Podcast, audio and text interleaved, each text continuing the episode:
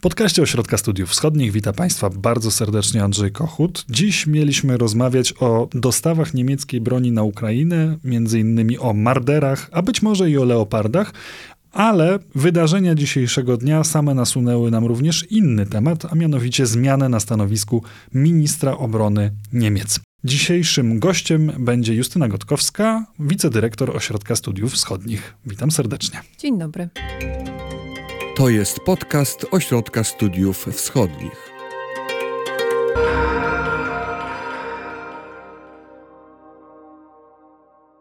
Do niedawna stanowisko ministra obrony Republiki Federalnej Niemiec e, sprawowała Christine Lambrecht.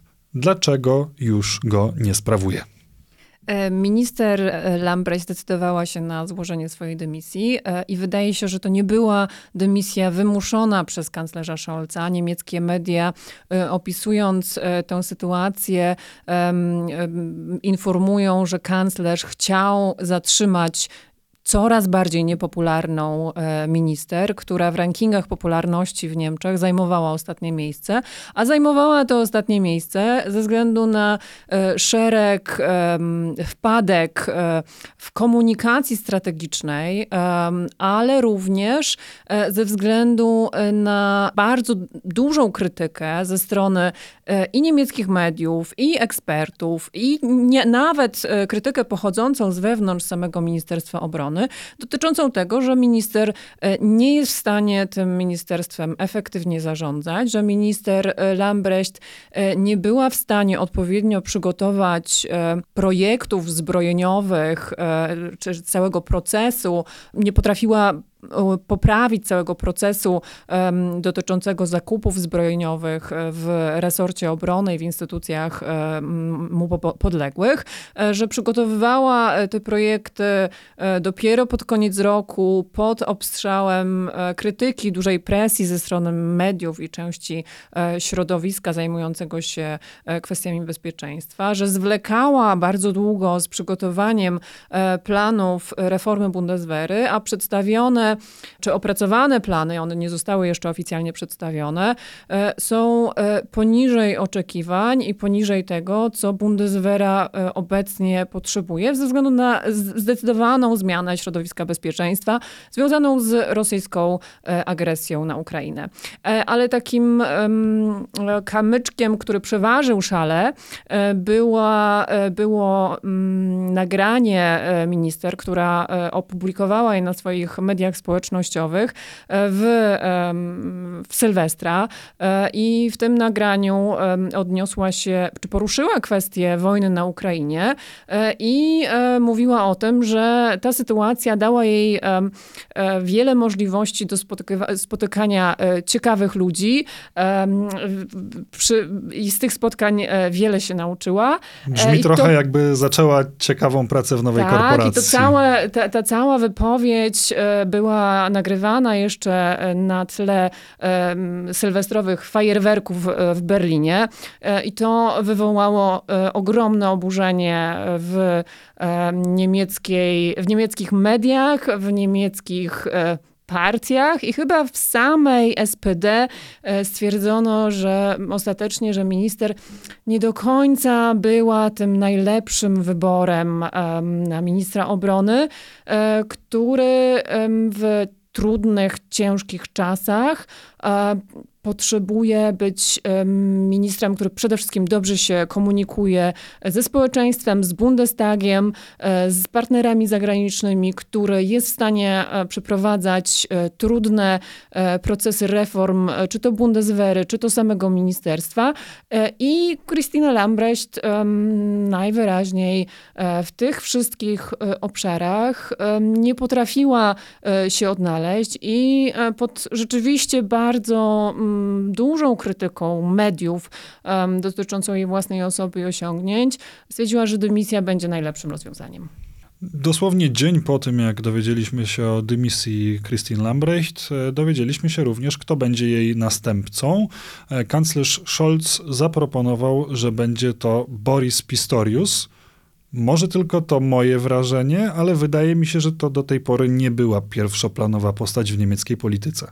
To prawda, e, Borys Pistorius um, nie był wymieniany jako potencjalny następca minister e, Lambrecht. E, Borys Pistorius jest politykiem, który ma przeszłość, czy był zaangażowany do tej pory przede wszystkim w polityce landowej, mianowicie w Dolnej Saksonii. Był od 2013 roku ministrem spraw wewnętrznych. Oczywiście udzielał się również na tym poziomie federalnym, prowadził negocjacje w w ramach e, negocjacji koalicyjnych z Zielonymi i z FDP przed sformowaniem obecnego rządu, ale były to negocjacje dotyczące kwestii e, migracji i integracji. Boris Pistorius e, do tej pory nie miał wiele wspólnego z polityką bezpieczeństwa i z polityką zagraniczną, z Bundeswehrą, oprócz tego, że pełnił służbę, zawodową służbę wojskową.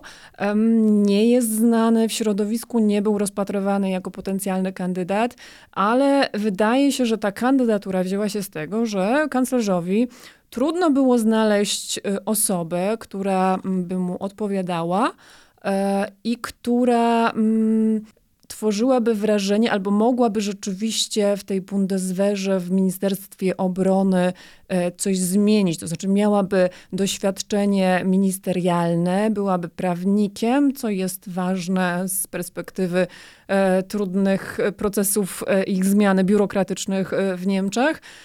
I mm, kanclerz zdecydował się na taką, a nie inną e, kandydaturę, e, nie chcąc też dawać tego ministerstwa osobom, które w dużo większym stopniu y, tą Bundeswehrą, polityką bezpieczeństwa i obrony się interesują, chcą że faktycznie coś e, w niej zmienić, mają zdecydowane poglądy na znaczne wzmocnienie Bundeswehry, to mogłoby być moim zdaniem um, niekoniecznie dobrze widziane w samej SPD, która w tej chwili coraz, w coraz większym stopniu nastawiona jest na prowadzenie, czyli doprowadzenie do rozmów pokojowych między Ukrainą a Rosją, e, która w coraz większym stopniu e, nie chce nie chciałabym powiedzieć e, prowokować, ale nie chcę wzmacniać na tyle Bundeswehry niemieckiej obronności, jak my byśmy sobie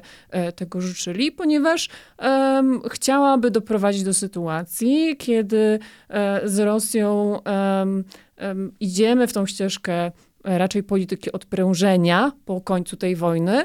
E, nie chcemy e, doprowadzić do wieloletniej konfrontacji, więc wydaje mi się, że również takie aspekty kanclerz e, bierze pod uwagę, wybierając osobę na stanowisko ministra obrony. Czyli z jednej strony Olaf Scholz potrzebował kogoś kompetentnego, zdolnego do przeprowadzenia pewnych koniecznych zmian w Bundeswehrze i w Ministerstwie Obrony, ale z drugiej strony kogoś, kto nie miał zbyt silnych przekonań własnych na temat tego, jak te zmiany powinny wyglądać i zbyt dużej determinacji, by je przeprowadzić e, nawet wbrew urzędowi e, kanclerskiemu i ucieleśnieniem tych dwóch e, konfliktujących ze sobą czynników jest właśnie Boris Pistorius jakiego rodzaju wyzwania oprócz y, godzenia y, oczekiwań kanclerza Scholza będzie musiał, jakim wyzwaniom będzie musiał sprostać?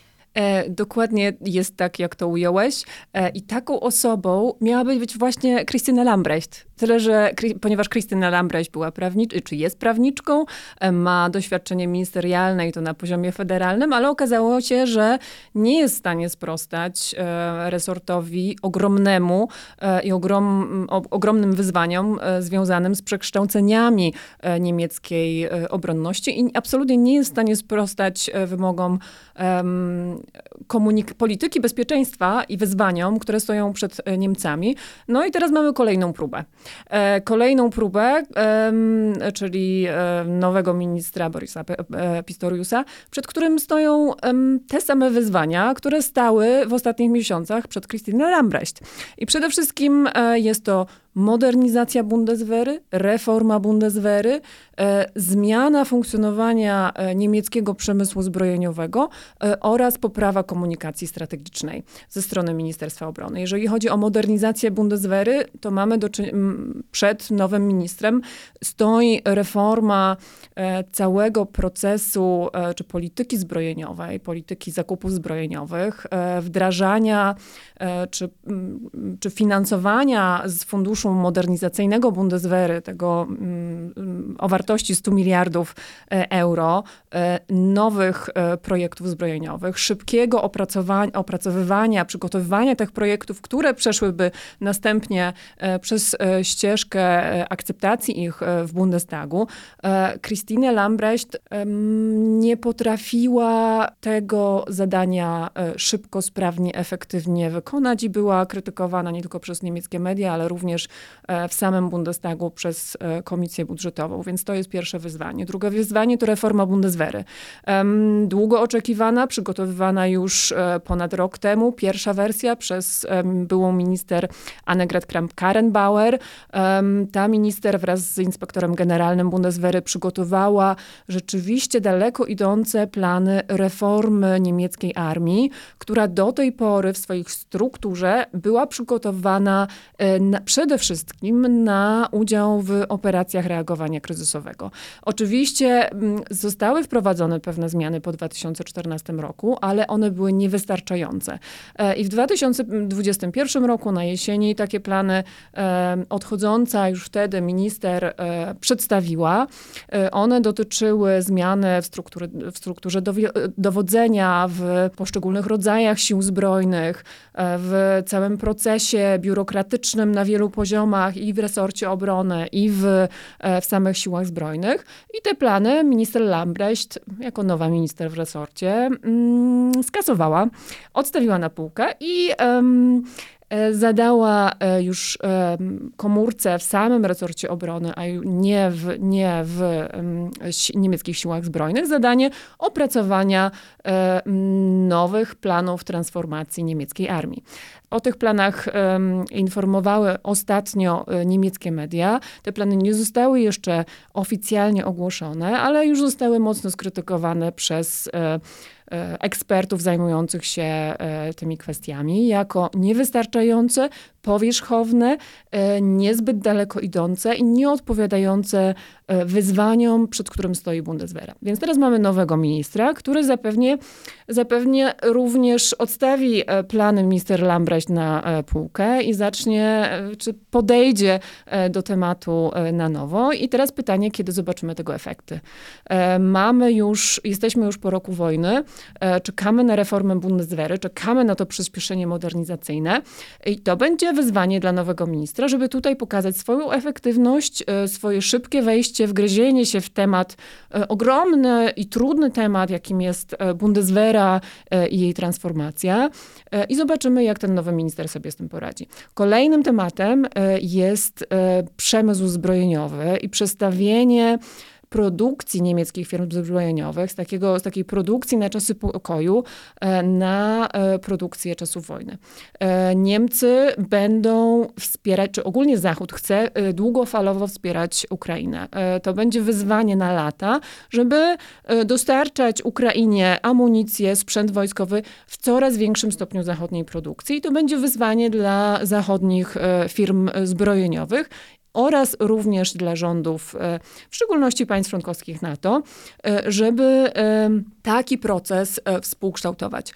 I tutaj będą oczekiwania w stosunku do nowego ministra, żeby taki proces został rozpoczęty, taki dialog z niemieckimi firmami zbrojeniowymi został czy nabrał rozpędu, bo to nie tylko Ukraina potrzebuje większej ilości sprzętu wojskowego, amunicji, broni wszelkiego rodzaju, ale również sama Bundeswehra. E, I e, żeby e, przyspieszyć proces modernizacyjny Bundeswehry, potrzebne są zmiany w niemieckim przemyśle, a te zmiany potrzebują pewnego dialogu pomiędzy firmami zbrojeniowymi a resortem obrony, tak, żeby um, ustawić pewne tory, długofalowego procesu e, przyspieszania produkcji zbrojeniowej i tak, żeby sprostały e, oczekiwaniom niemiec, niemieckiego resortu obrony.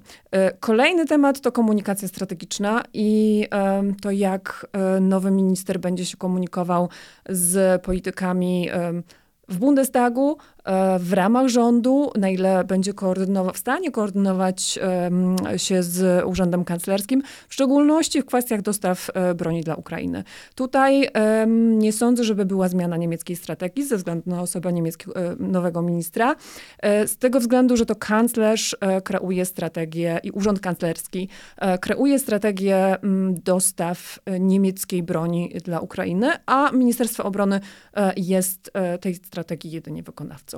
No dobrze, to porozmawiajmy o tym, jak ta strategia wygląda, bo wśród wyzwań, jeżeli już mówimy o wyzwaniach stojących przed nowym ministrem Pistoriusem, będzie również te wyzwanie, by sprostać oczekiwaniom kanclerza Scholza. Mówiliśmy o tym wcześniej, właśnie w kontekście dostaw e, niemieckiej broni na Ukrainę. Mam wrażenie, że ta strategia jednak przechodzi pewną ewolucję w ostatnim czasie. E, Nieco ponad tydzień temu dowiedzieliśmy się, że e, trafią na Ukrainę niemieckie wozy bojowe Mardery.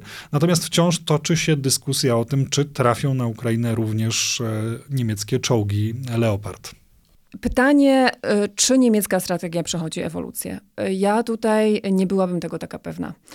To raczej strategia mm, administracji Bidena dotycząca dostaw broni na Ukrainę przechodzi mm, pewną ewolucję, to znaczy e, rozszerza granice e, tego, e, tego zaangażowania.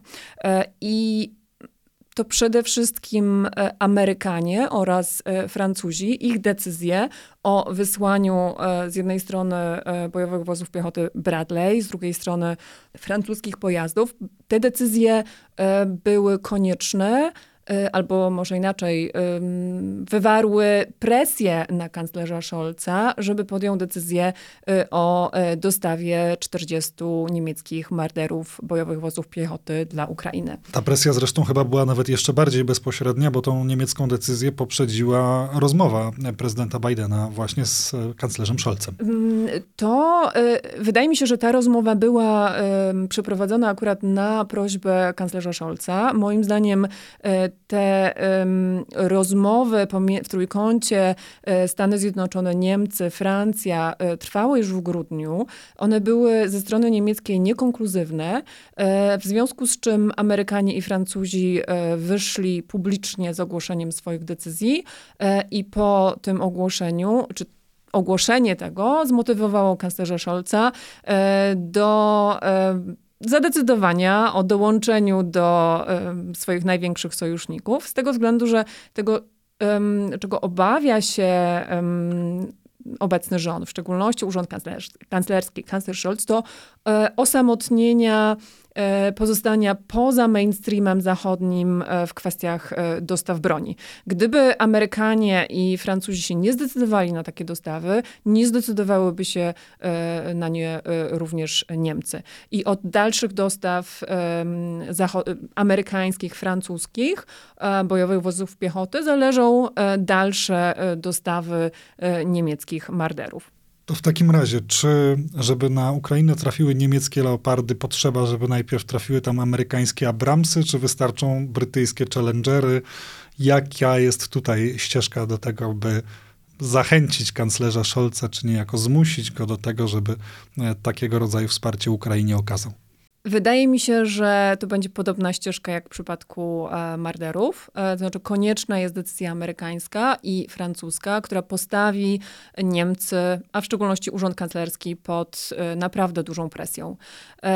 Bez e, takich decyzji ja nie spodziewam się tego, żeby ten rząd e, zadecydował o e, wysłaniu niemieckich leopardów na Ukrainę, nawet w koalicji europejskiej, czyli z Polską, Finlandią i innymi e, państwami, które są chętne do takich dostaw. Teraz jest pytanie, czy e, ten rząd zgodzi się na dostawy czołgów Leopard. Swoich partnerów, sojuszników e, z NATO, z Unii Europejskiej. I wydaje mi się, że tutaj Niemcy stoją w tej chwili pod ścianą i będą się musiały na takie dostawy zgodzić, z tego względu, że e, inna decyzja wywoła naprawdę spore kontrowersje w sojuszu, bardzo dużą krytykę. Na ten temat toczy się dyskusja w niemieckim rządzie i tutaj um, chciałam powiedzieć, że mówiąc o tym, że Niemcy nie chcą dostarczać, mówię przede wszystkim o Urzędzie Kanclerskim i o SPD, z tego względu, że głosy ze strony liberałów i ze strony zielonych, e, które się podnoszą, e, mówią o tym, że Niemcy czołgi Leopard na Ukrainę zdecydowanie w takiej europejskiej koalicji z Polską, e, Finlandią innymi państwami powinny zacząć już dostarczać. A jeśli nie, to przynajmniej powinny e, udzielić e, pozwolenia na takie dostawy ze strony swoich partnerów. Więc czego możemy się spodziewać po Rammstein, to rzeczywiście rozpoczęcia takich dostaw ze strony, ze strony państw europejskich, ale moim zdaniem Niemcy się jeszcze w nie nie włączą i będą czekały na um, decyzję po stronie amerykańskiej, po stronie francuskiej. Dla nich Wielka Brytania, ich decyzja o dostawach e, kilkunastu czołgów Challenger nie jest wystarczająca e, do tego, żeby zmienić swoje dotychczasowe stanowisko, które, może opowiem dlaczego jest takie, a nie inne, e, Kanclerz Scholz e, stoi pod coraz większą presją własnej partii. Stanowisko frakcji SPD opublikowano niedawno. E, mówiło o tym, że mm, Niemcy, Zachód powinien wykorzystać wszystkie możliwości, żeby doprowadzić do rozmów pokojowych, e, że to powinno być dyplomatyczne rozwiązanie tego konfliktu, powinno być priorytetem niemieckiego rządu. Tam się podnoszą głosy, E, osób, e, coraz głośniejsze, osób związanych właśnie z lewicowym skrzydłem partii, że zmęczonych tą wojną i chcących e, doprowadzić do, do jej zakończenia. I kanclerz podejmujący decyzję, czy stoi pod tą pod presją ze strony własnej partii, w związku z czym musi mieć wymówkę dotyczącą do, dostaw czołgów Leopard. E, taką, że proszę, tutaj nasi najważniejsi sojusznicy i partnerzy, czyli Stany Zjednoczone i Francja dostarczają i my nie możemy e, nie być w tym, w tym e, zachodnim mainstreamie. Dlatego bardzo bym się cieszyła, gdyby Niemcy mm, zadecydowały o wysłaniu czołgów Leopard w 20 stycznia na posiedzeniu grupy Rammstein, ale nie sądzę, żeby to był jeszcze żeby to był czas, kiedy taka decyzja ze strony niemieckiej zostanie podjęta. Bardzo Ci dziękuję za tą dzisiejszą rozmowę. Justyna Gotkowska, wicedyrektor Ośrodka Studiów Wschodnich, była gościem podcastu Ośrodka. Dziękuję. Państwa jak zwykle zachęcam do sprawdzania naszej strony internetowej, a także innych kanałów komunikacji Ośrodka, między innymi naszego kanału na YouTubie, a także Twittera, na którym regularnie informujemy o e, naszej działalności. Ja nazywam się Andrzej Kochut. Do usłyszenia. Wysłuchali Państwo podcastu Ośrodka Studiów Wschodnich. Więcej nagrań można znaleźć na stronie www.osw.waw.pl.